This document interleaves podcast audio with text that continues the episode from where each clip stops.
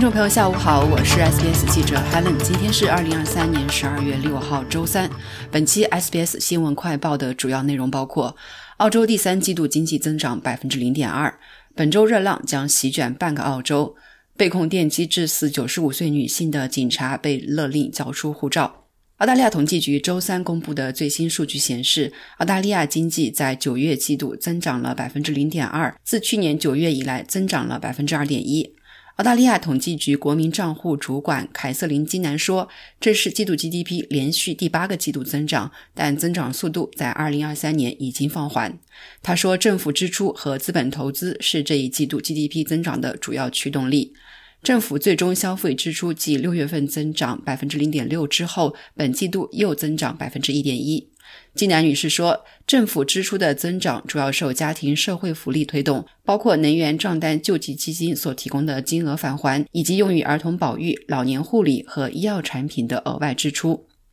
本季度在澳大利亚举行的国际训练演习也增加了国防开支，从而促进了国防开支的增长。”家庭为将来保留的现金也继续减少，家庭储蓄与收入比率连续第八个季度下降至百分之一点一，为二零零七年十二月季度以来的最低水平。季南女士说，二零二二至二三财年取消中低收入税收抵免，意味着许多家庭本季度的所得税支出增加，这也是家庭储蓄率下降的原因之一。住房贷款利息的增加和家庭面临的通胀压力，也可能是家庭储蓄率下降的因素。本周热浪警报覆盖了全国近一半的地区，标志着今夏首次出现大热浪。热浪预计将笼罩澳大利亚许多地区数日，澳大利亚人正被警告做好应对热浪的准备。新南威尔士州大部分地区以及昆士兰州、南澳洲、西澳洲、北领地和首都领地的部分地区，在周五之前都将气温飙升。新南威尔士州从周三开始发布严重热浪警告，预计未来三天都将持续高温。气象局警告北部高原、中西坡地和平原以及下西部和上西部地区的居民将面临高于平均最高气温的天气，部分地区最高气温将达到三十至四十摄氏度。伊拉瓦拉、猎人和里弗里纳地区也发布了严重热浪警告。虽然没有宣布全面禁火，但新南威尔士州乡村消防局敦促丛林火灾易发地区的人们准备好行动计划，以防万一。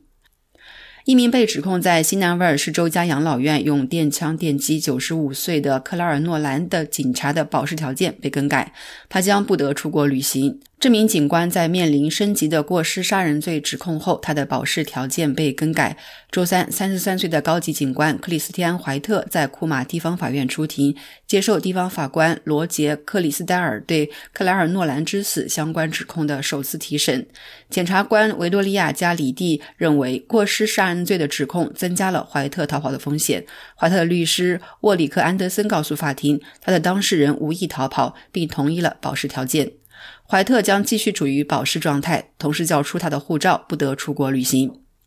好了，感谢收听本期 SBS 新闻快报，在任何播客平台搜索“新闻快报”，点击订阅，开启消息提醒，即可了解澳洲国内外新闻及社区信息。